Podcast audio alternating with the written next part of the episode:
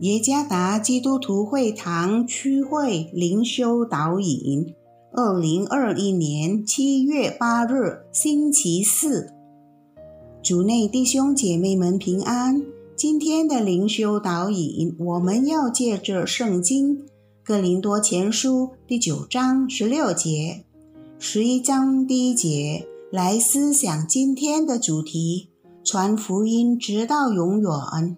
作者陈成贵牧师，《哥林多前书》第九章十六节：我传福音原没有可夸的，因为我是不得已的。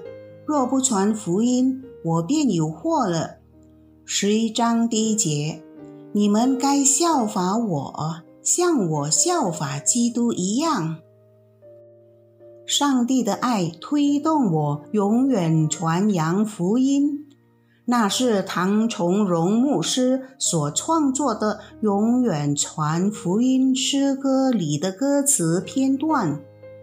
这首歌感动了已接受主爱的每位上帝的儿女们，要一生忠心的传扬福音。这首歌可以说是作者的写照。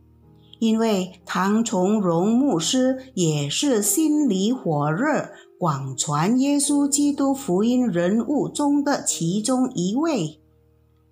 在今天的经文里，使徒保罗是一位如此热衷于传福音的使徒。他说：“若不传福音，我便有祸了。”保罗是效法基督，他至死忠心成全救恩的榜样。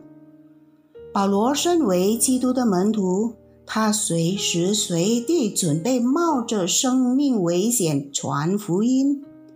他生命的重心唯独传扬基督在他生命中荣耀的作为，在基督耶稣里。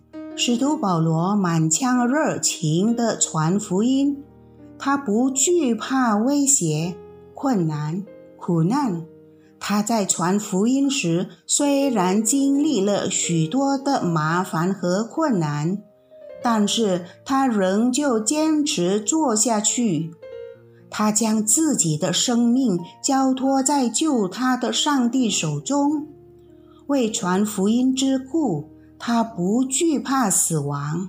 事实上，死亡对他来说是有益处，因为他已经在基督耶稣里得着了生命的冠冕。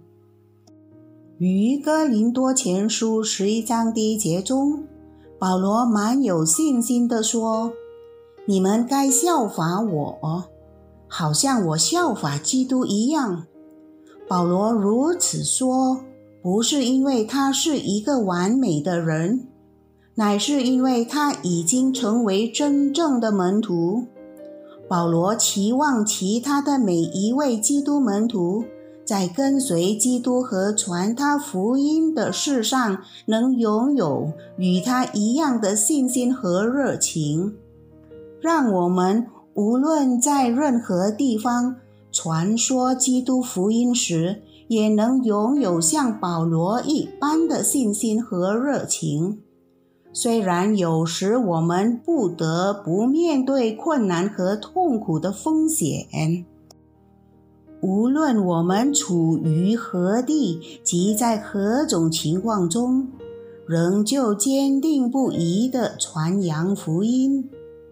主耶稣赐福。